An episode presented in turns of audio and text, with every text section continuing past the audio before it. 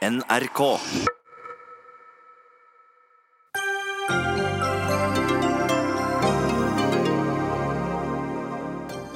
Vi eh, kjemper om de høyeste temperaturene og jubler for eh, rekordvær.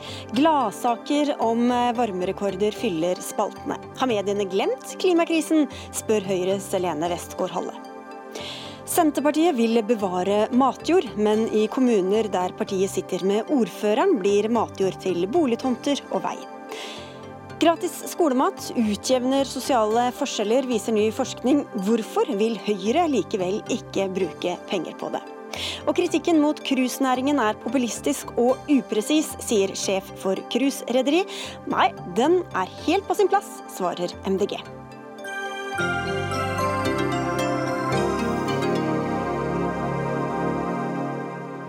Og dette er noen av sakene i dagens Dagsnytt 18, hvor vi også skal diskutere bl.a. videokonsultasjoner med fastlegen. Jeg heter Sigrid Solund. Vi svetter og bader og soler oss, og i nyhetene kan vi lese om byer som konkurrerer om å være varmest, og om stadig heterekorder som slås. Men er dette rene gladsaker, eller er det et mørkere bakteppe som burde være med? Lene Westgård Halle, du er klimapolitisk statsperson i Høyre, og er ikke mot saker om finværet, men hva synes du om den totale dekninga du har sett den siste uka? Altså, jeg er veldig glad i fint vær, og siden jeg er fra solfylket Vestfold, så gleder jeg meg jo over at resten av landet får oppleve vær som er ganske dagligdags for oss i Vestfold. Eh, og når godværet treffer blink nå midt i juli og i folks ferie, så er jo det innertier, og jeg skjønner at media skriver om det. For det er jo det vi vil lese om i ferien, ikke sant? Været og badetemperaturene. Men så er det jo sånn at selv om vi skal nyte været, så har jo likevel medias dekning, kanskje særlig VG og NRK, fascinert meg litt. fordi hvis du ser på da VGs 20 saker om været i bare forrige uke, så kan vi jo lese godbiter som to ordførere, eh, i bar overkropp for øvrig, kniver om varmerekorden. Norges varmerekord kan være tangert. Rekordtangeringen blir underkjent. Nye varmerekorder i Europa. Over 40 grader i Paris. Varmere her enn i Syden. Belgisk varmerekord ødela for kokainsmugling. Det er da min personlige favoritt. Men ingenting om klima. Ingenting om statistikk over tid. Ingen problematisering eller reell substans. da. Og så skal vi jo ikke kalle sånne enkeltstående varmeperioder for klima, fordi vi har variasjoner fra år til år, og det er helt naturlig. Eh, men det kunne jo vært interessant å ha sett koblingen med målinger over det er vel 30-årsperioder som klimaforskerne bruker, eh, og vist noen av de tendensene eh, som vi ser, som jeg syns kunne vært belyst bedre når alle da likevel snakker om været. Og så har jo VG og NRK da en gyllen mulighet. Dagbladet f.eks. har blitt en ganske god klimaavis etter hvert, og NRK hadde jo den fantastiske saken da, hvor de viste klimaendringene, hvordan de har påvirket påvirket allerede til Norge, men, uh, i Norge.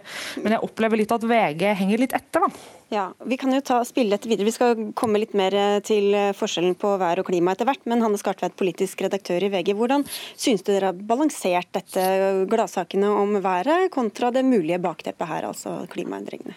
Vi skriver ofte mye om klima. Forrige uke var det varmerekorder. Det var ordførere som kiva. Vi har alltid skrevet mye om vær, særlig om varme i VG. Varmerekorder er folk Nordmenn snakker mye om været. Eh, vi skriver mye om været. Det er riktig at det har vært det som har vært fokus vår den uka vår, uka som gikk. I dag har vi et stort oppslag med klimaforskere og problematiserer mye mer.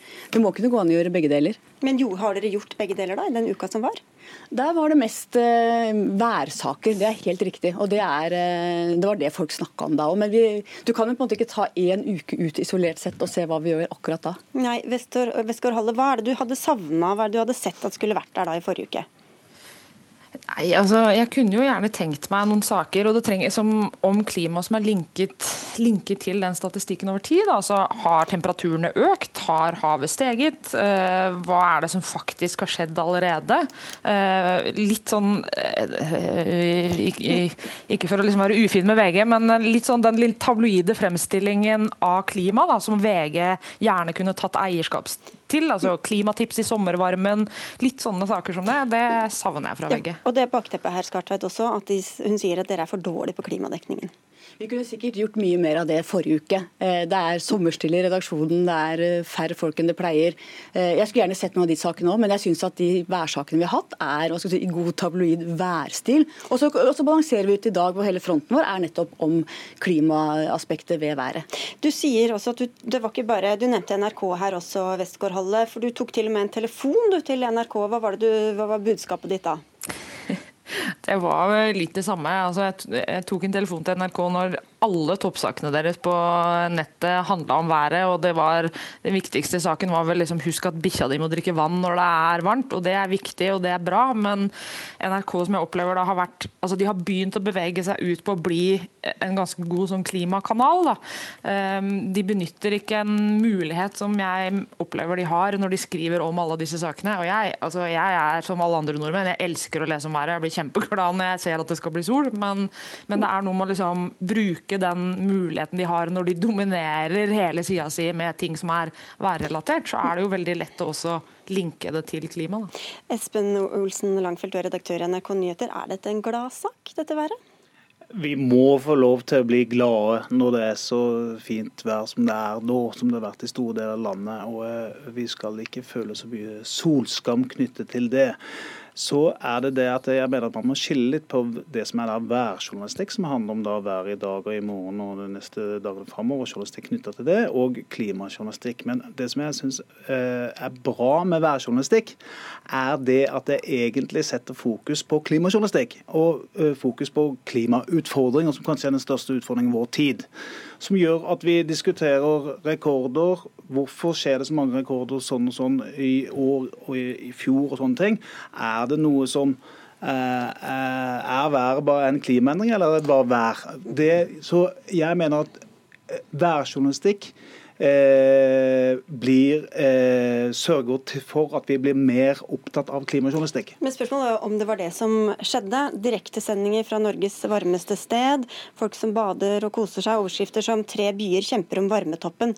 Hva slags kontekst har denne værjournalistikken egentlig blitt satt i? Nei, ja, vi, vi, kunne helt sikkert vært flinkere med konteksten knytta til eh, statistikk på klimaendringer og, og sånne ting. Men så må vi også være opptatt av at dette er jo jeg tror det er viktig for Nesbyen at de får lov å beholde den der 50 år gamle rekorden sin også. Og at det er litt sånn vennskapelig kniving blant eh, kommuner i landet og steder i landet på hvem som er varmest i dette landet. Og, eh, det, eh, og det var varmt i Nesbyen for 50 år siden også. Ja. ja. ja. Så? Ja. Nei, så Nei, eh, det der jeg mener er at vi må bli nødt til å avspeile det. Det er faktisk en, en velsignelse for engasjementet rundt klima i Norge at det er så mange nordmenn som er opptatt av vær, tror jeg. Men Vestgård Halle, hvordan skal dette skje i praksis? Skal man da hver gang det er en eller annen varmerekord eller hver gang det er en flom, så skal man med en gang begynne å snakke om, om klimaendringer? Eller hvor går den grensa for når det er været utløser eh, klimadekning? Nei, jeg synes jo for så vidt det det er, interessant eh, det NRK sier her om at værsakene er en velsignelse for klimaet. For det er jeg enig i, hvis pressen hadde fulgt opp. Men det er jo nettopp det de ikke gjør. Så det, jeg er helt enig i at det, det, kunne vært, det, kunne vært, en velsignelse for klimaet. Um, og det er jo ingen som snakker om solskam. Altså, det er jo, jeg har aldri hørt noen noen gang i ikke engang i MDG snakke om det. Altså, vi elsker sol, og vi elsker solsaker. Men det er liksom den totale tapetseringen med væresaker uten liksom noe som helst om klima overhodet. Det, sånn, det ser kanskje litt rart ut. da. Altså, det kunne jo, i et, i et, historisk perspektiv så blir jo dette spennende å se tilbake på. Altså, Sitter vi om 100 år og ser at ok, dette var starten på slutten, eller disse varmerekordene Jeg så det var noen som var sånn å nei, det er dumt at jeg er i Syden nå, fordi da får jeg jo ikke oppleve det varme været. Og Da kan jeg jo trøste vedkommende med at ta det helt med ro, det kommer du til å få oppleve mange ganger senere, fordi disse rekordene kommer til å sprenges år etter år etter år, som vi nå har sett. Ja, Da skal vi over til deg, Rasmus Benstad, du er seniorforsker ved Meteorologisk institutt. Disse varmende dagene, da, er det noe vi burde frykte, eller er det noe vi bare skal kose oss med? Jeg koser meg når det er så, varmt, så fine dager, ehm, men jeg er også bekymret. Da, eh, fordi vi ser hetebølger ikke bare i Norge, men forskjellige steder over hele verden. Eh, så vi ser et mønster av hetebølger som popper opp hele tiden. De blir kraftigere. Og så ser vi at de kommer flere etter hverandre. Og Vi har så mye, mange måleapparater. Vi, vi, har aldri hatt så mange instrumenter til å, til å måle atmosfæren. Satellitter, termometere. Vi har modeller. Vi, vi kan også beregne eh, været he, på hele eh, verden. Og se hvordan været blir. da. Dere er sikkert kjent med yr.no, ikke sant? Um, så vi har veldig kontroll på dette med vær og, og statistikk. da, Værstatistikk, det er klima og rekorder og teller hvor ofte de kommer, da ser vi at de kommer mye oftere enn det de burde komme. Og Det er bekymringsverdig. Så vet vi da, eller hva, hvor, hvor, sikkert kan vi vite at eh, klimaendringer er årsaken til de rekordene som vi ser at brytes nå? Det er vi sikre på, ja. Hvordan kan det være det? Jo, fordi at eh, vi, vi kan jo måle alt som skjer der som påvirker atmosfæren fysisk. Eh, vi kan måle solen, hva som skjer på solen. Vi kan, vi kan se hvor, om det er vulkanutbrudd. Vi kan måle havets overflate og se om det er noen havstrømmer. Og vi vet at det alltid har vært en eller flere årsaker til at klimaet har variert på naturlig vis. For det er fysikk. altså Hele universet styres av, av, av fysikk. Og vi, vi, kan så mye at vi kan programmere et, en datamaskin slik at den kan, den kan, et, den kan gjenskape eh, med vindsystemer, skyer og sånt. Så vi kan veldig mye. Så vi vet helt sikkert at dette er klimarelatert. Eller altså det, det, Klimaendringene skaper flere hetebølger kraftige hetebølger.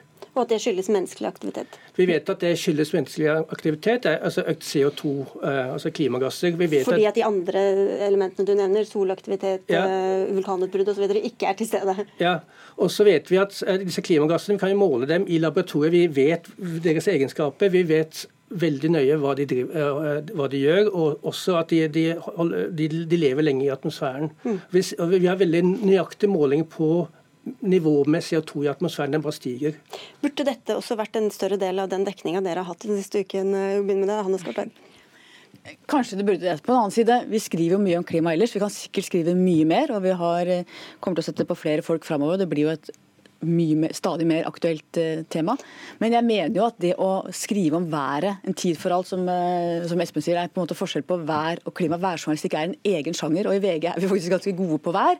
Og så bør vi sikkert gjøre mer på klima neste gang, men jeg står fint med den dekninga vi hadde forrige uke, jeg også. Det er ingen tvil om at uh, norske redaksjoner, inkludert NRK, har uh, underspilt sin rolle uh, og i henhold til det å satse ressurser på det som kanskje er vår tids største utfordring, altså klimaendringene.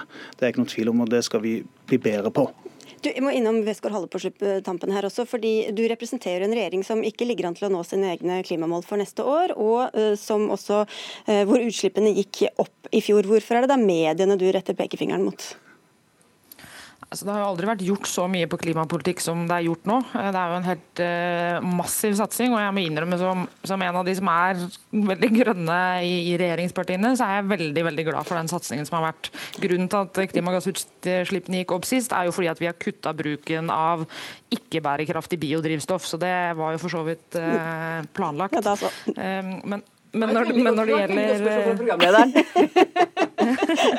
ja. Når, det, når, det, gjelder pressens rolle i, i den klimadebatten fremover, da, så håper jeg jo veldig på altså Jeg syns det er veldig positivt å høre signal om at både VG og NRK har tenkt å satse mer. Og jeg håper veldig på en sånn faktabasert klimadebatt, og der har pressen et litt spesielt ansvar. Da skal du få siste ord, Bennestad. Hva er det du savner da i dekninga? Jeg savner mer diskusjon om løsninger, fordi faktisk vi kan løse dette problemet. Vi kan få samfunnet i en bærekraftig eh, eh, retning.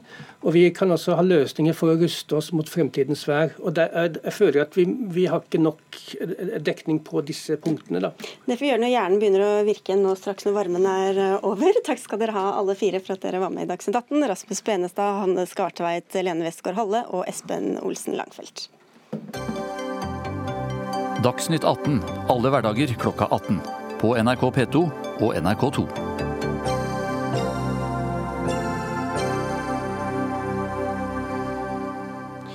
Mer matjord må dyrkes opp, og mindre matjord må bygges ned. Det er en av de viktigste kampsakene for Senterpartiet foran høstens lokalvalg. Men i de 102 kommunene hvor ordføreren er fra Senterpartiet, ble 5232 dekar matjord omdisponert i perioden 2016 til 2018, ifølge SSB. Og det er mer enn i de 75 kommunene med Høyre-ordfører, skriver Nasjonen i dag. Så Nils T. Bjørke, stortingsrepresentant for Senterpartiet. Hvorfor gjør dere det motsatte av det dere sier dere skal gjøre i politikken? Nei, Vi gjør ikke det motsatte, men, men, det er ikke tvil om at det er trykk ute i kommunene på eh, mange gode, gode, tiltak de vil ta. og Ikke alle kommuner er gode nok til å velge de rette områdene til utbygging. Og Det er jo nettopp derfor Senterpartiet er så tydelig på at vi må ha nasjonale føringer for bruk av jord, slik at en får strengere jordvern og mindre nedbygging. Så dere må ha nasjonale retningslinjer for at Senterpartiet skal føre Senterpartipolitikk? Nei, jeg tror Senterpartiet er ikke noe verre enn andre politikere. Men det er klart når du sitter med en ordfører, du sitter gjerne i en kommune der eh, du skal ha et flertall for, for en sak.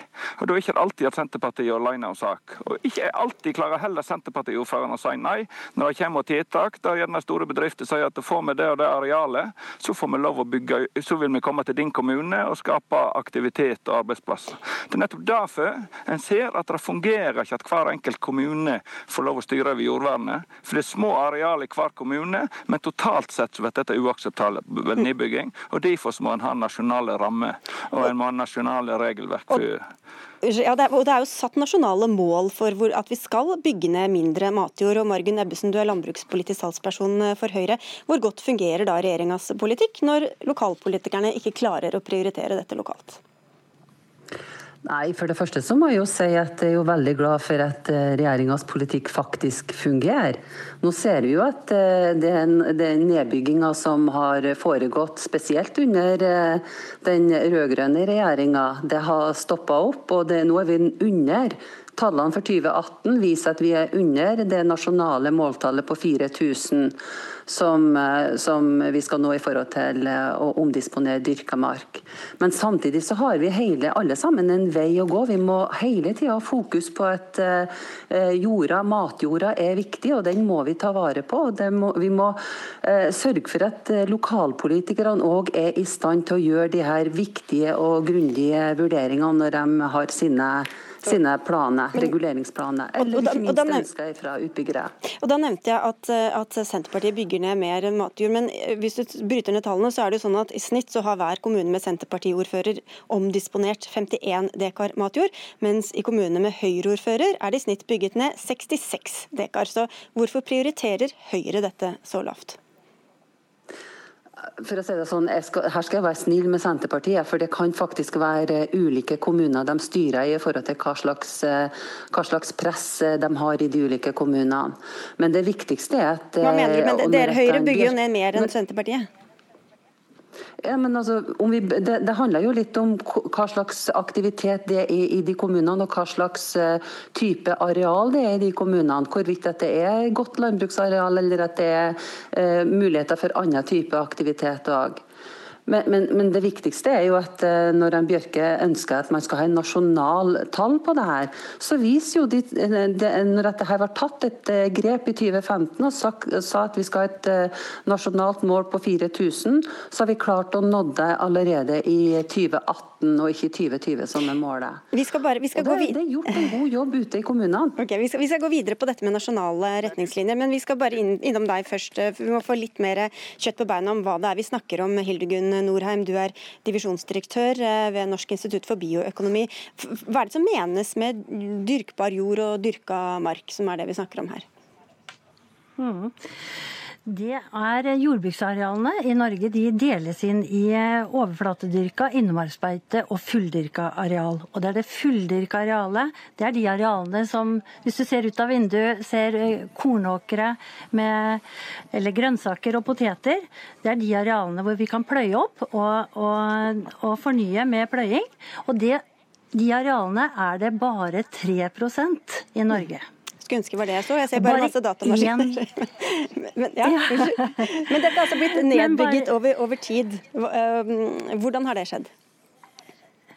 Altså, Det er ulike grunner til det. Um, og det som er historien, er jo at menneskene slo seg jo ned der den beste matjorda var. Og det er også der byene vokser, tettstedene vokser. Og det er der indrefileten av matjorda faktisk er, og presset er størst. Og det går på bekostning av bolig, infrastruktur og andre eh, formål. Og hvorfor er Når det gjelder den dyrkbare jorda Ja. ja. Mm. Litt forsinkelse her, men bare kom igjen. når det gjelder den dyrkbare jorda, så er det arealer som ikke er dyrka opp i dag, men som har en eh, mulighet i forhold til klima og jordkvalitet i nydyrking. Men med de nye eh, altså, som kan dyrkes opp, og det betyr at det finnes en rekke begrensninger også på de arealene. Og for en del så bruker man faktisk eh, argumentet for dyrkbar jord ligger der og kan nydyrkes, men den har faktisk eh, med politiske vedtak nå ganske store begrensninger. Men bare, hvis du kan si helt kort, Hvorfor er det så problematisk når det tas sånne vedtak, med tanke på det langsiktige, altså hvor lett det er å få ny dyrkbar jord? Altså Matjorda, det er eh, særlig den fulldyrka arealet. Det har en eh, lang historie, flere tusen år, for å, å, å bli det, ha den kvaliteten det har. Og det er ikke bare å, å dyrke opp andre arealer. Jordkvalitet, klima og, og, andre ting gjør at det er noen arealer som er sammenhengende store og som egner seg godt. Mm. Og vi ser ut fra statistikken at det er spesielt rundt tettstedene, rundt byene, at i en periode på ti år, som vi har en rapport fra 2004 til 2015, at de store nedbyggene har skjedd rundt tettbebyggelsen. Da går vi til deg, Bjørke. Hvordan skal disse retningslinjene se ut, som dere etterlyser, som skal sikre at ikke ordførere fra Senterpartiet eller andre partier lar seg friste til å la næringsinteresser og veier eller hva det skal være, komme foran? Nei, Da må en ha et strengt regelverk. og Vi ønsker jo òg at det skal inn i grunnlovvern eh, eh, på, på dyrka mark. Slik at det, det, skal bare være helt spesielt viktige nasjonale interesser der du ikke kommer utenom bygging, om det kan være infrastruktur som er nødt å gå forbi eller noe sånt. Ellers må en lete etter andre områder først. Og Det klarer en bare med å ha nasjonale interesser, slik at utbygger andre vet at det ikke er mulig å ta dyrka mark. Og da er jeg sikker på at det er mye lettere før at de leter opp andre areal, som kanskje er litt dyrere å bygge på. men som sikrer matjorda for framtida.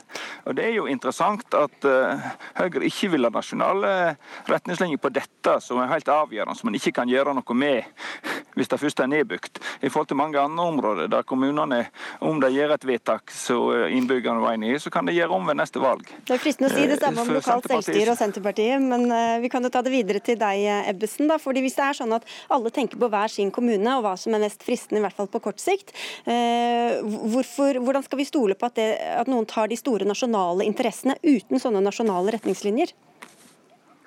Nei, men Det er jo det som jeg ser som er litt spesielt med Senterpartiet. Her ser vi nok en gang. De snakker om eh, viktigheten av å opprettholde lokaldemokratiet, men de har ikke tillit til lokalpolitikerne.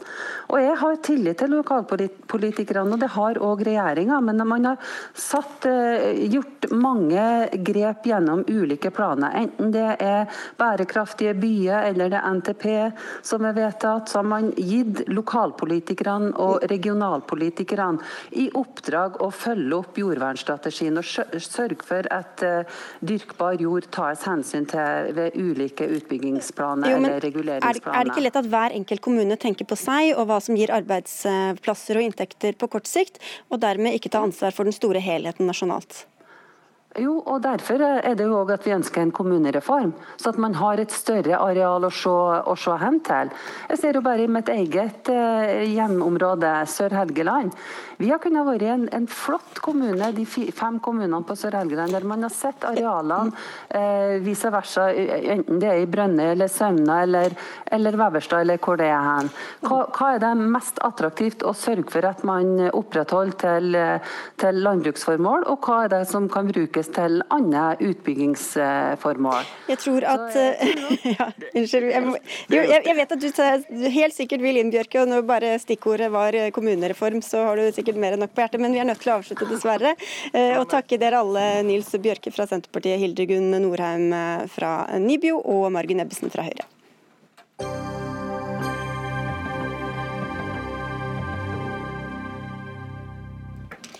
Har markedsføringen av norske småsteder ført til at altfor mange tar turen dit? Det er tema snart her i Dagsnytt 18, men først til en annen side av turismen. Cruiseindustrien er en ko-ko-industri. Cruise er idiotisk, vulgære monstre som forpester byer. Cruisenæringen har fått eh, gjennomgå i norsk offentlighet i hele sommer, men nå er cruisenæringen selv lei av all kritikken. Den er eh, upresis og populistisk, sier du til Dagens Næringsliv, Geir Kronbekk. Du er nordisk direktør i cruiseselskapet Royal Caribbean. Opplever du at kritikken er urettferdig? Urettferdig er ikke riktig ord. Eh, men retorikken som brukes, syns jeg er upassende. Vi snakker om en næring her, og den retorikken som brukes med hat, det er lov å hate cruiseturister, cruiseskam. Eh, det er en næring i Norge som sysselsetter rundt 17 000 mennesker. Eh, bidrar med 2,3 milliarder i inntekter til landet og rundt 300 millioner skatter. Det er jo en næring som prøver å gi gode opplevelser. Vi tar gjester til Norge. Så jeg opplever ikke at den måten det fremstilles på, det er kun det negative som belyses i pressen. Og det er det jeg har tatt og sagt at ok, kanskje vi må se oss litt om og se er det noe konstruktivt med den næringen. Men hva er det kritikerne sier som ikke stemmer? Eh, hvordan det tas opp med forhold til miljøversting. Eh, dette er en næring som er en relativt ung næring. Startet Norge for 50 år siden. Eh, vi har siden 1992 begynt å, eller anerkjent at man har en utfordring i forhold til å reise verden rundt med store skip, og begynte allerede da å ta tak i teknologi for å redusere vårt fotavtrykk. Eh, det jobbes kontinuerlig med destinasjoner, med skipene, for å gi minst mulig fotavtrykk på den operasjonen vi har. Vi kan jo høre med deg, eh, Tor Håkon Bakke, du er bystyrekandidat i Bergen, eh, Miljøpartiet De Grønne. Er det redelig, den retorikken som har vært, og kritikken som har vært mot cruisenæringen? Jeg tror ikke jeg at jeg har sagt alle de tingene som dere nevnte nå. da. Det høres ut som noe jeg kunne ha sagt, men jeg tror ikke jeg har klart å si alt det. det ikke, jeg siterte ikke deg heller, Nei. det var en generell kritikk. Men eh, det som er med cruisenæringen, er at eh, vi har et behov for å kutte i klimagassutslipp. Eh, og Cruisenæringen baserer seg på en forretningsmodell hvor du tar flere boligblokker holdt på å si, og så setter du det opp på store skrog, og så drives det av diesel eller tungolje fremover på verdenshavene. og Da genereres det mye CO2 til atmosfæren som bidrar til global oppvarming. Og Den typen ting den er vi nødt til å drive mindre av. Og Så kan man si hva er alternativet til det? Ikke sant? Eh, og Det vi trenger å utvikle, det er en form for bærekraftig turisme som ikke baserer seg på å ødelegge den naturen som folk kommer for å besøke. Og Det kunne for vært, altså det er jo teknologi som allerede eksisterer. Man kan dra på tog eller man kan kjøre bil, men man kan også bruke elektriske fartøy. Men da må jo de fartøyene være mye mindre. Og Det som cruiseindustrien legger til rette for i dag, det er store skip, 350 meter lange, eh, mange tusenvis av passasjerer, med alt fra bølgemaskiner oppvarmet til svømmebasseng, til kasinoer og vindtunneler. Og Det er jo selvfølgelig utrolig energikrevende. Så det er, på en måte, det er mye av dette her at kritikken mot cruisenæringen går på. Og Det er bare klimaperspektivet. I tillegg til det har jo man lokalmiljøene. Eh, sånn som i Bergen, Norges største cruisehavn, hvor det kommer tusenvis, 8-10 000 med turister samtidig, som skaper stor trengsel, lange køer, mye dieselbusser, mm. og lager dårlig stemning og gir beboerne av sentrum mindre livskvalitet. Ja, hvis vi tar tak i Det her da, det er jo CO2-en som det ble sagt, all energien som brukes om bord på skipene, lokal forurensning, turistene som strømmer inn i byer, innbyggere som sier de føler seg invadert, store skip som skygger for utsikten, norske fjorder som røyklegges. Stemmer det ikke? Hvorfor er ikke dette noe som skal kritiseres? Cruisenæringen står for rundt 2% av verdens turisme. Eh, avtrykket som man har satt er vel rundt 0,2% Det er 300 kommersielle cruiseskip i drift av en skipsflåte på rundt 55 000. Så størrelsen er litt ute av proporsjoner, sånn som vi ser det. Og når det gjelder hvilken opplevelse som tilbys om bord, det er lov å ha meninger om hva som er riktig og ikke riktig. Eh, det som skjer når en gjest er om bord på et cruiseskip, så har vi kontroll på den, de faktorene de putter inn og de de putter ut. Vi har nå de mest avanserte eh, avfallshåndteringssystemene om bord. Vannrensing. Eh, når de er om bord hos oss, så forbruker de ingenting når de er hjemme. Det er altså en ting som ikke belyses. Så det vil si at jeg er helt enig med det sier hvis du bor i samfunn med 200, og vi kommer med et skip med 4000 mennesker. Ja, det blir et større miljøavtrykk i den destinasjonen hvis vi kommer med så mange. Men det vi også etterlyser, er jo en forutsigbarhet i hvordan Norge ønsker å ha den totale turismen.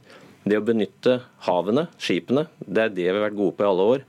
Eh, det blir et minimalt inntrykk, eller så avtrykk ved å ha en havn, versus det å bygge veier, det å bygge jernbaner. Eh, vi er flyttbare, vi er ekstremt fleksible. Eh, er det områder vi ikke bør være i? Eh, det har vært nevnt at ok, hvorfor skal cruiseskipene legge til midt i indrefileten? Det er ikke noe cruiseskipene har bedt om at vi skal legge til indrefileten. Det kan tilrettelegges lokalt. Så om det er ønskelig å ha at skipene legger til lenger fra bykjernen, Det er vi tilpasningsdyktige, for vi, treng, vi, kan legge til der det er mulig å legge til. Hva er alternativene, Bakke? Du nevnte mindre skip. Da må jo noen eventuelt fly dit det skipet skal være. Du nevnte til og med bilkjøring eller tog, som også ble nevnt der, som jo er en, noe som faktisk må bygges. Hvorfor er alternativene så mye bedre enn det vi har i dag? Nei, altså det er Sammenlignbare størrelser. Dette er jo fakta. Dette her vet vi jo. Eh, at eh, Avhengig av skipet så kan jo en, eller altså per passasjerkilometer f.eks. så er et cruiseskip, altså en cruisetur, kan være tre til fire ganger så forurensende som en tur med fly. Eh, og Mye av cruiseturismen i dag er jo basert på flyreiser. Altså for Hvis man flyr til Miami, eh, som er turer som Royal Caribbean selger mye av, så er det en interkontinental flyreise først, før man går om bord på cruiseskipet. Så at dette her er en form for turisme som er utrolig drivende for CO2-utslipp, sammenlignet med alternativene, f.eks. putte en familie på fem inn i en elbil, det er jo det ingen som helst tvil om. Eh, så det er jo den mest forurensende formen for turisme. Og så er jeg helt enig i at eh, for eksempel, det er jo ikke cruisenæringen sin egen feil at man bruker noe av det beste arealet vi har i Bergen. Men der er jo regjeringen... Eller Stavanger eller, eller andre steder. Eller hvor som helst, ikke sant. Mm. Men der er jo det regjeringen som har kommet på banen, og det har jo de plent nektet. Så I den nye havneloven av 4.6 så får altså lokalpolitikere i eh, Norge ingen virkemidler til å håndtere cruiseturismen sånn som de ønsker. Men det de nasjonale eh, politikerne har gjort, da, er jo å sette nye litt strengere krav til din, din næring. Eh, hva der er det du mener at eh, ikke lar seg gjøre i løpet av de neste årene? Jeg vil først si at i, Basert på den sommeren vi hadde i fjor, eh, og da var det vel 126 negative artikler om cruise i Norge i mediene, og én positiv. Eh, høsten 2018 så satte man sammen blant med Sjøfartsdirektoratet, Miljøverndepartementet og begynte å diskutere ok, hvordan skal dette være. Eh, prognosen på cruisevekst i Norge er fra 800 000 til et fantasitall en gang i 2060, eh, og at noe må gjøres. Eh, den dialogen som pågår nå, er positiv. Eh, det som ikke er fysisk mulig da, med den teknologien vi kjenner til i dag, det er å klare null utslipp med dagens type cruiseskip i 2026. Hvordan det ser ut om to år, tør ikke jeg å spå. Det er mulig at vi kommer nærmere dette med LNG-gass, som 25% av nybyggene på skipene er. Altså flytende gass? Ja, naturgass. Gjør oss bedre. Eh, det hjelper dette med de lokale forurensning som svovel, eller SOx og NOx, som det populært heter. Men det, hjelper, de er ikke nullutslipp. Altså Totalt CO2-utslipp vil fortsatt være der. Men det vil være en bedre eh, miljøavtrykk på det enn det vi har i dag. Ja, nemlig, ikke sant? Uansett hvordan du vrir og vender på det. Med den forretningsmodellen cruisenæringen er basert på i dag, med store skip, så klarer ikke man å elektrifisere seg ut av det eller få på plass hydrogenløsninger før klimamålet brytes nok en gang. Og Da er det sånn med cruisenæringen som alle andre deler av samfunnet hvor det er store utslipp, så er vi nødt til å kutte utslippene. Og Derfor mener jo Miljøpartiet De Grønne at vi slett skal forby den fossilbaserte cruisenæringen. Hva skal man gjøre med alle de skipene som allerede er, øh, finnes, da? Nei, altså Det har ikke vi noe svar på sånn i seg sjøl. Men det, hvis man hadde satt det signalet om at man sier nei takk til den fossilbaserte cruisenæringen, så slutter man i hvert fall å bygge no, nye, store skip som baserer seg på kanskje en litt bedre teknologi, men altså på en måte hvis jeg skal gå ned i vekt og gå fra å spise 20 boller til 18 boller om dagen, så hjelper ikke det i det store bildet. Men det, det, det blir for enkelt. Altså, teknologien som er tilgjengelig i dag, som man kan bruke. Du trekker frem å fly til Miami. Eh, Norge har jobba knallhardt eh, for å få Norge, eh, turistnæringen opp å gå. Og Det har vi lykkes med. Er, Norge er blitt et populært reisemål. Våre gjester har lyst til å reise dit. Eh, og, handler, og, Vi kan som sagt være fleksible. Vi trenger ikke seile til Norge. Men turismen skal ha til Norge. Hvis du vil ha rike amerikanere hit, eller rike engelskmenn, hvordan skal de komme seg til landet?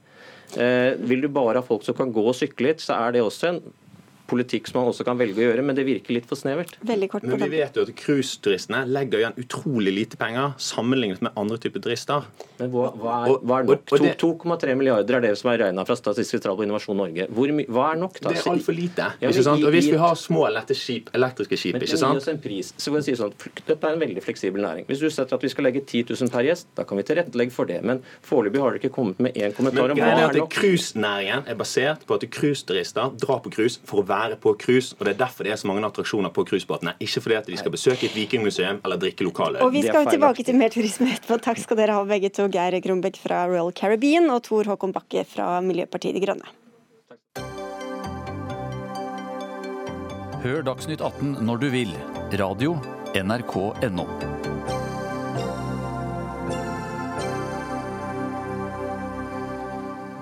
Du har vondt i brystet eller frykter du har fått en infeksjon. Er det da mer fristende å betale noen hundre kroner ekstra for å få en samtale med en lege digitalt, eller ringer du fastlegen og håper på en snarlig time der?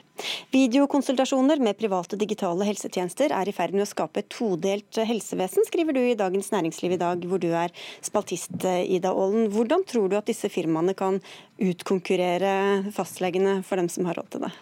Utkonkurrere gjør de kanskje ikke med de aller første, men eh, det som er at veldig stadig flere har private helseforsikringer, f.eks. gjennom jobben. Og da har mange av dem, også nesten alle sammen, inkludert en eller annen privat eh, videolege gjennom det. Og selvfølgelig, hvis du ikke bare kan betale 200 kroner, men du kan helt gratis i løpet av ti minutter få snakke med en lege for det som plager deg, istedenfor å måtte ta deg fri for jobben og bruke to timer kanskje på å dra på legen, så er det ikke rart eh, at det er fristende for folk. Og da sier du at fastlegene må følge på og begynne med mer videokonsultasjoner operasjoner, de også. Hvorfor er det veien å gå for fastlegene?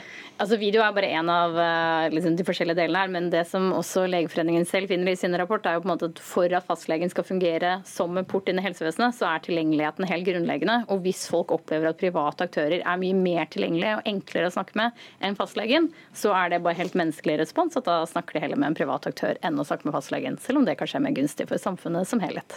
Da hører du også med å nevne at du jobber i et selskap som, lager, eller som selger disse videosamtalene tallene. Men Petter Brelin, du er altså leder i Norsk forening for allmennmedisin.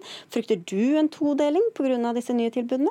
Jeg frykter kanskje ikke en todeling pga. dette. Eh, her er inngangssummen for de helprivate eh, ordningene såpass lav at jeg tror ikke vi får noen todeling av økonomisk årsak. Ja, mange har råd til det, rett og slett? Mange har rett og slett råd til det. Men... Eh, todelingen kan vi nok få, men ikke pga. dette. Jeg frykter nok mer at dette markedsføres som en ordinær helsetjeneste, mens det ikke er det.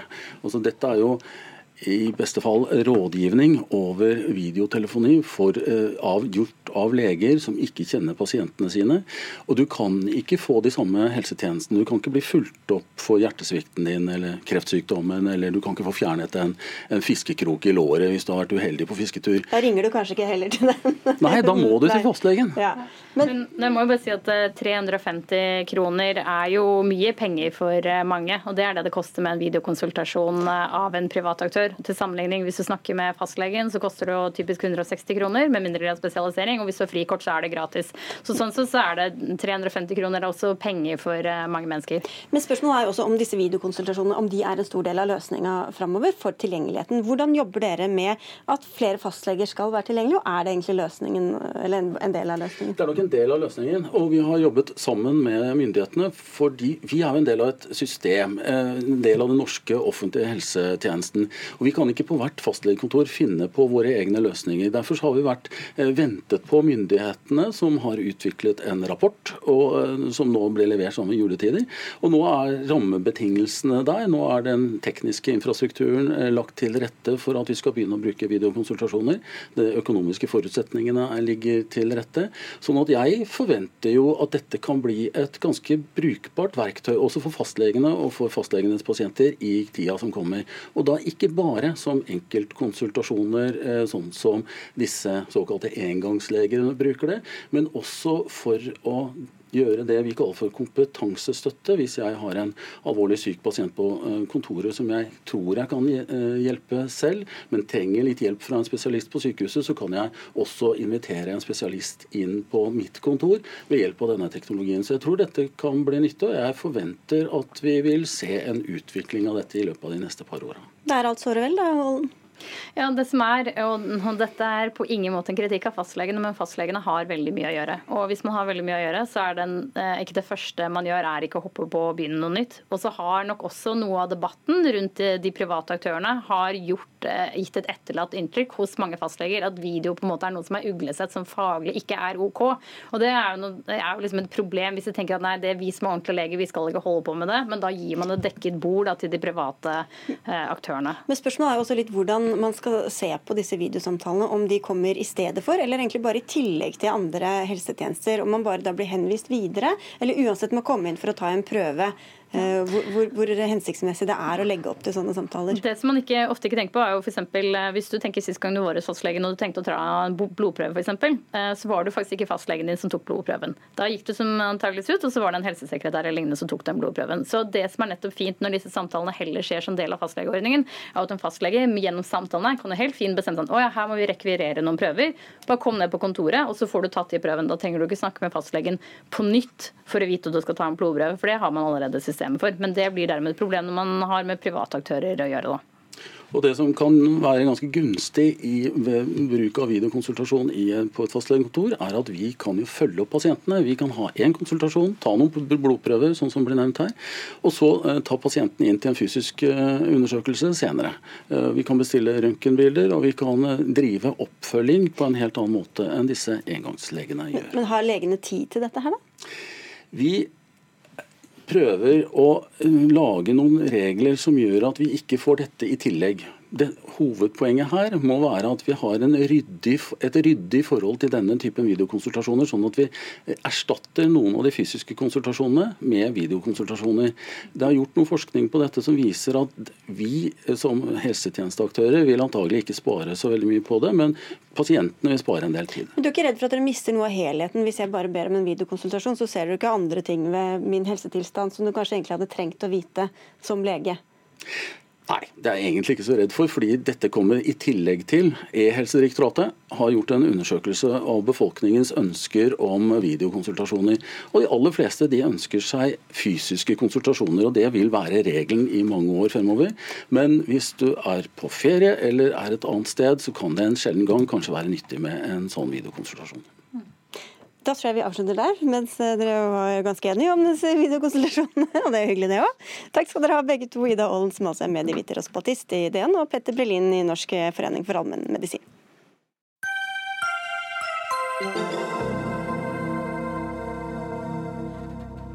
For ti år siden var det om å gjøre å sette norske turistperler på kartet, og nå får Norge igjen for satsinga. I fjor brukte utenlandske turister 52,6 milliarder kroner på å reiser til eh, Norge. Noen av dem var vi jo innom litt tidligere i sendinga. En av de populære reisemålene er Hoddevik på Stadlandet i Sogn og Fjordane, som er kjent for den lange, hvite stranda ut mot havet. Hoddevik er blitt kåret til ett av de ti beste surfestedene i verden, i verden av britiske The Guardian. Men det finnes en grense for hvor mange folk Hoddevik tåler, sier du Anne Kari Lerfall. Du har drevet surfepensjonat med sju senger i 15 år. Og hvilke utfordringer har dere nå med alle turistene som kommer? Hallo, ja, hører du meg? Leir, ja, jeg koblet ut. Ja, men hører du meg nå, da? Gjorde jeg det? Nå, ja, jeg hører deg. Ja, der er du tilbake. Ja, litt, vi bor jo langt ute i havet, og dekningen går jo opp og ned her. Ja, ja, men... eh, utfordringer i forhold til eh, turisme i høysesong? Mm. Ja, der er vi tilbake. Det var eh, Ja, det er mye utfordringer i en bitte liten vik eh, langs norskekysten. Og de største utfordringene jeg mener vi har, det er eh, eh, fart, altså vei, trafikk, og sanitær. Altså det er ikke dimensjonert for de mange turistene som kommer? Nei, absolutt ikke. Nei, Det er ikke, ikke vei og trafikk og, og sanitær. Men det er, har, det er, jo mye Det er jo høysesong. Vi klarer å ta Det er jo sånne topper som vi har, og det går jo greit. Vi må jo lære folk at du kan ikke campe på innmark. Du må lukke porten etter deg så ikke sauene forsvinner ut av, eh, av eh, in, utmark, liksom og du har eh, litt lite vitenhet om friluftslov og naturlov og allmennsrett og sånn. Mm. Men de største problemene ligger i eh, vei og myke trafikanter. Syns vi. Og så er det sikkert mange som har fått vite om dere via bekjente og venner og anbefalinger og sosiale medier, men det er jo også sånn at Visit Nordfjord, som ligger innunder Innovasjon Norge, har markedsført um, Hoddevik. Hvordan opplever du at det har skjedd? Mm. Jeg må si jeg fikk sjokk. Jeg sto på Gardermoen, og så så jeg eiendommen min ligge på en sånn superboard på en storskjerm på Gardermoen. Det var sånn uh, Det der var ikke kult. Jeg syns at det de um, har liksom trådd litt over grensene for hva du kan selge av et uh, naturlandskap. Vi skal gå til det var jeg veldig skuffet over. Ok. Eh, litt vanskelig å, med, med, denne forsinkelsen, men vi går til deg, Bente Bratland Holm. Du er direktør for reiseliv i Innovasjon Norge. For å ta regla her, det er altså Visit Nordfjord som ligger under Visit Fjord Norge, og Visit Norge som igjen ligger innunder Innovasjon Norge, som markedsfører turistperler som Hoddevik. Er det ønskelig med et så stort påtrykk eh, av turister lokalt? Eh, jeg tror den største utfordringa ligger jo her Nei, klart, eh, si sånn, klart, Når det blir for mange, så blir det ikke bra for de som bor. Eh, og når de som, de som, bor der ikke har det bra, ja, så blir det sikkert ikke så god opplevelse for de som skal besøke heller. Så dette henger sammen. Men det, det viktigste tror jeg er jo at man tar tak i og finner ut regionalt eller lokalt hva er det vi ønsker med turismen på vårt sted.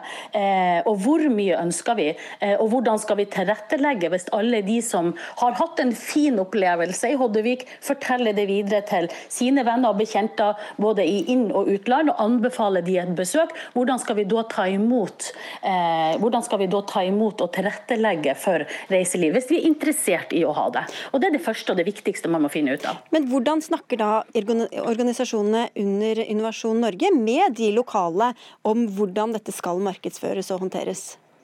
Det, det, det, vet jeg ikke helt hvordan de snakker. Sånn som Vi snakker med de forskjellige regionene. det er at Vi setter oss ned med de. Vi har en, en, en tett og god dialog og finner ut hva er det vi skal fremheve i fjordfylkene. Hva må vi være obs på? Hvilken sesong er det vi skal prøve å ha fokus på? Det må jo sies at det er jo to år siden vi begynte å tone ned pressområdene, eh, for heller å, å, begynne å markedsføre andre områder eller andre sesonger eh, enn det som er de korte, hektiske sommermånedene på enkelte pressområder. Så det må man jo finne ut i dialog på hva er det vi må hensynta i markedsføringa for at det ikke skal komme skjevt ut. Og Hvordan opplever du Lerfall at denne dialogen eh, og rådføringen har vært lokalt eh, hos dere? Det hun sier blir gjort fra dem side, er helt ukjent for meg. Har, vi har Ikke noen av eierne og grunneierne og beboerne i Holdevik har blitt rådført på noe som helst måte av Visit Nordfjord. Eh, vi har, eh, vi, vi, har, vi har, jo også hatt veldig sånn behov for å markedsføre oss på et annet en annen plan enn i og med at vi er et utvalgt kulturlandskap. Dette er et landbruksområde. Det er ikke lagd for turisme, og det er ikke eh, lagd for verdens største bedrift å selge ut i verden. Mm. I hvert fall ikke uten at vi får et ord med i spillet, og i hvert fall hva vi syns. Holm, ja, eh, og det er jo veldig synd. Eh, for dette, jo, dette, er jo en viktig dialog lokalt. Så det er jo sikkert noe som man kan ta, ta i de forskjellige regionene, i de forskjellige destinasjonene. En dialog rundt dette. For jeg tror det, det er viktig at utvikling og markedsføring henger sammen i framtida. For vi, når vi går ut og markedsfører noe, så må vi være trygge på å vite at det utvikles slik at de gjestene vi inviterer hjem til oss, at de får en god opplevelse, og at de, at de får den infrastrukturen som trengs når de velger å besøke et reisemål. Men, men, men, Hvilke råd og retningslinjer kommer fra toppen, altså fra deg og ned til disse forskjellige lokale organisasjonene? da? Eh, jeg kan ikke gjøre noe. De er jo selvstendige organisasjoner. Vi har ikke noe råderett over de, men, men vi, kan jo, vi, kan jo, si det at i dialogen som vi skal ha med de aller fleste fremover, så må vi jo ha, eh, sørge for at vi må eh, spørre har vi, er dette lokalt forankra. Det, har vi ikke gjort, eh, det har vi ikke gjort før. Vi er nødt til å kanskje si at vi er nødt til å, eh, å ta et større ansvar for at vi ser på utviklinga i tillegg til markedsføringa. Da vil jeg håpe at dette ikke vil regnes som markedsføring av Hoddevik, som tydeligvis har fått eh, nok turister. Eller så må folk reise dit andre deler av året. Og så sier vi tusen takk til dere begge to, Anne Kari Lerfall og Bente Bratland Holm.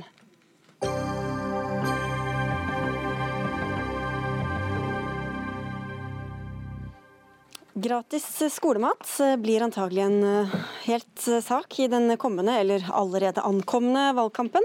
I dag fikk tilhengerne et nytt argument.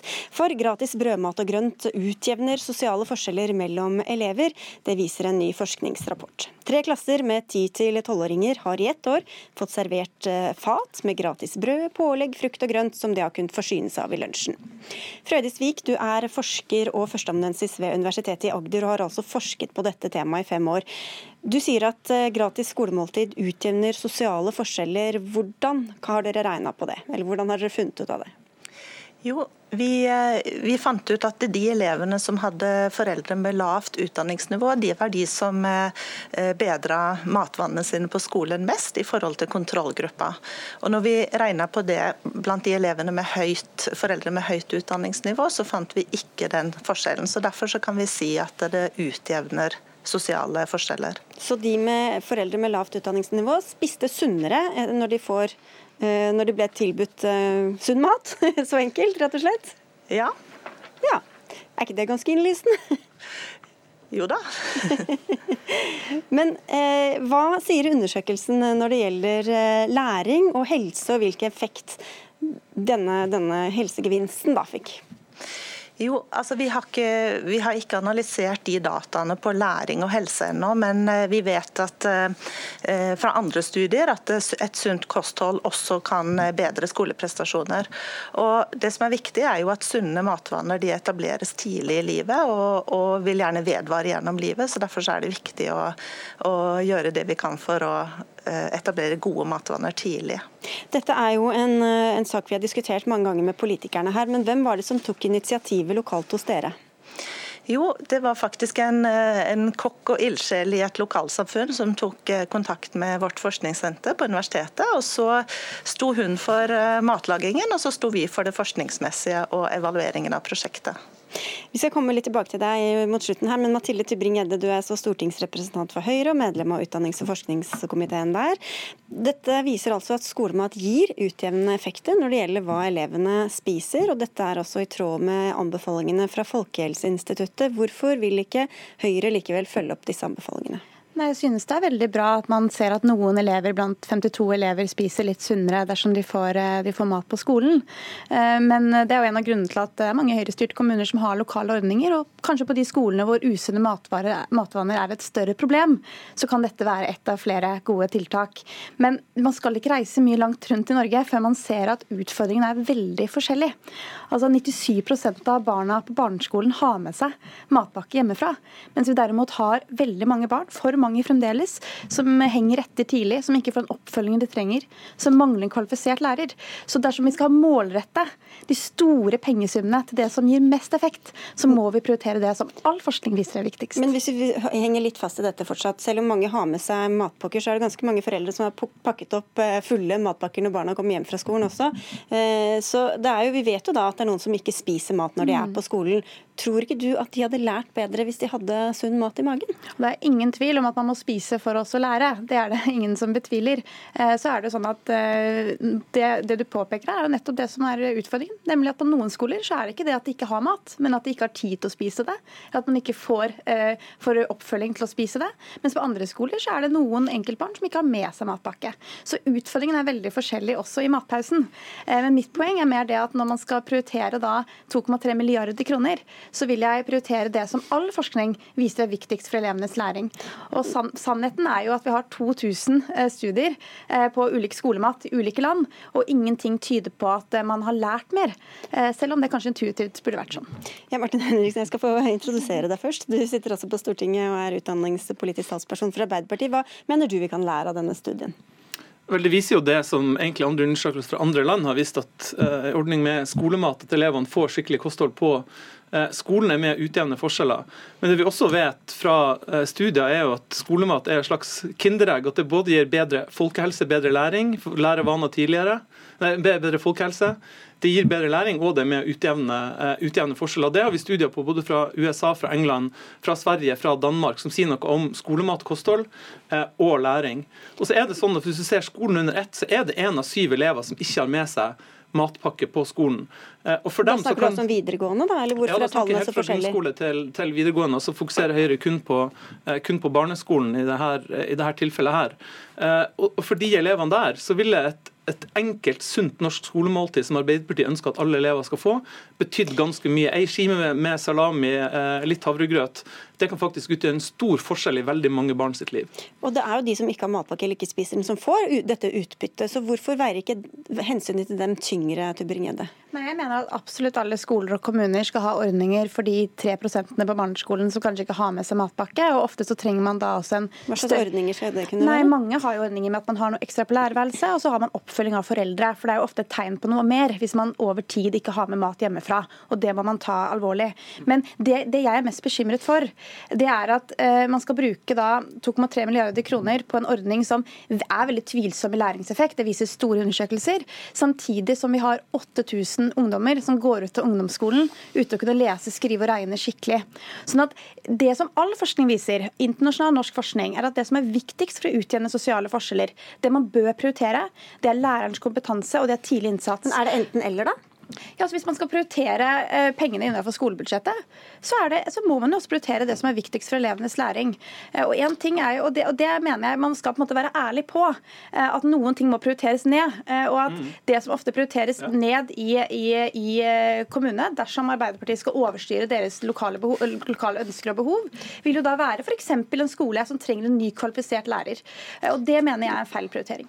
Altså, Arbeiderpartiet overstyrer ingen, men vi ønsker at staten skal være med å betale, sånn at alle elever får seg et sunt, enkelt skolemåltid hver dag. Da blir jo eh, kommunene pålagt å gi dem det, da. Og så må det kommunene betale det. det er frivillig for kommunene å gjøre det, men vi tror at veldig mange kommuner vil gjøre det. Og de Arbeiderparti-ordførerne og ordførerkandidatene fra Arbeiderpartiet de ønsker å gjøre det her. Så kan jo folk velge. Hvis du får en Høyre-styrt kommune, så vil det kanskje ikke bli skolemat. Hvis- du får en Arbeiderparti-styrt kommune, så blir det det. Men jeg må bare si en ting om prioritering. Det er helt riktig at det her handler om prioriteringer.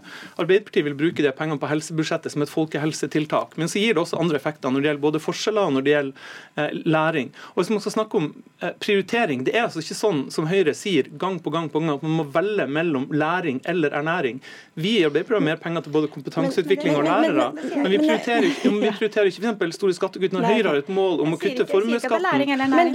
La, formuesskatten ligge nå Det koster 14 milliarder, og så vil vi bruke rundt 2 milliarder, 1,5-2 milliarder på skolemat. Det er prioritering vi er villige til å ta. Men Hvis vi snakker om hvor treffsikkert dette her er for at Mm. nå, nå hørte vi at det, dette tjener, altså det er noen som tjener på det. Mm. Alle gjør ikke det. ikke sant? De som hadde foreldre med høy, utdannings, eh, høyt utdanningsnivå, de, de gjorde ikke det. Så hvorfor skal man ha et så omfattende system når det er såpass få som faktisk får et utbytte av det? Jeg vil si at Det er to årsaker til det. For det første så er vi i Arbeiderpartiet veldig skeptiske til den type ordninger som er nærmest å gå med lua i handa og si at eh, som måtte bevise at du er fattig nok til å få en enkelordning. Og Noe av det mest hjerteskjærende jeg liksom hører når vi er ute på skoler, det er jo de lærerne som har stukket unna litt knekkebrød eller litt mat fordi at de vet om akkurat de elevene som kommer på skolen eh, uten å ha med seg matpakke, og at det går utover deres eh, hverdag. Men det andre årsaken er at vi vet fra mange andre undersøkelser at dette er bra for alle elever. Både for forskjeller, for helse, for læring, men også for fellesskapet blant elevene på skolen. Så det er gode grunner til at alle elever i Norge burde få dette tilbudet. Jeg lovte at vi skulle tilbake til deg, Frøydisvik. Hvis du kan gi et kort eh, råd til disse politikerne vi har her, hva ville det være da? Jeg tenker det er viktig at politikerne tar eh, kunnskapsbaserte beslutninger. Men be Eh, begge sier jo at de gjør det.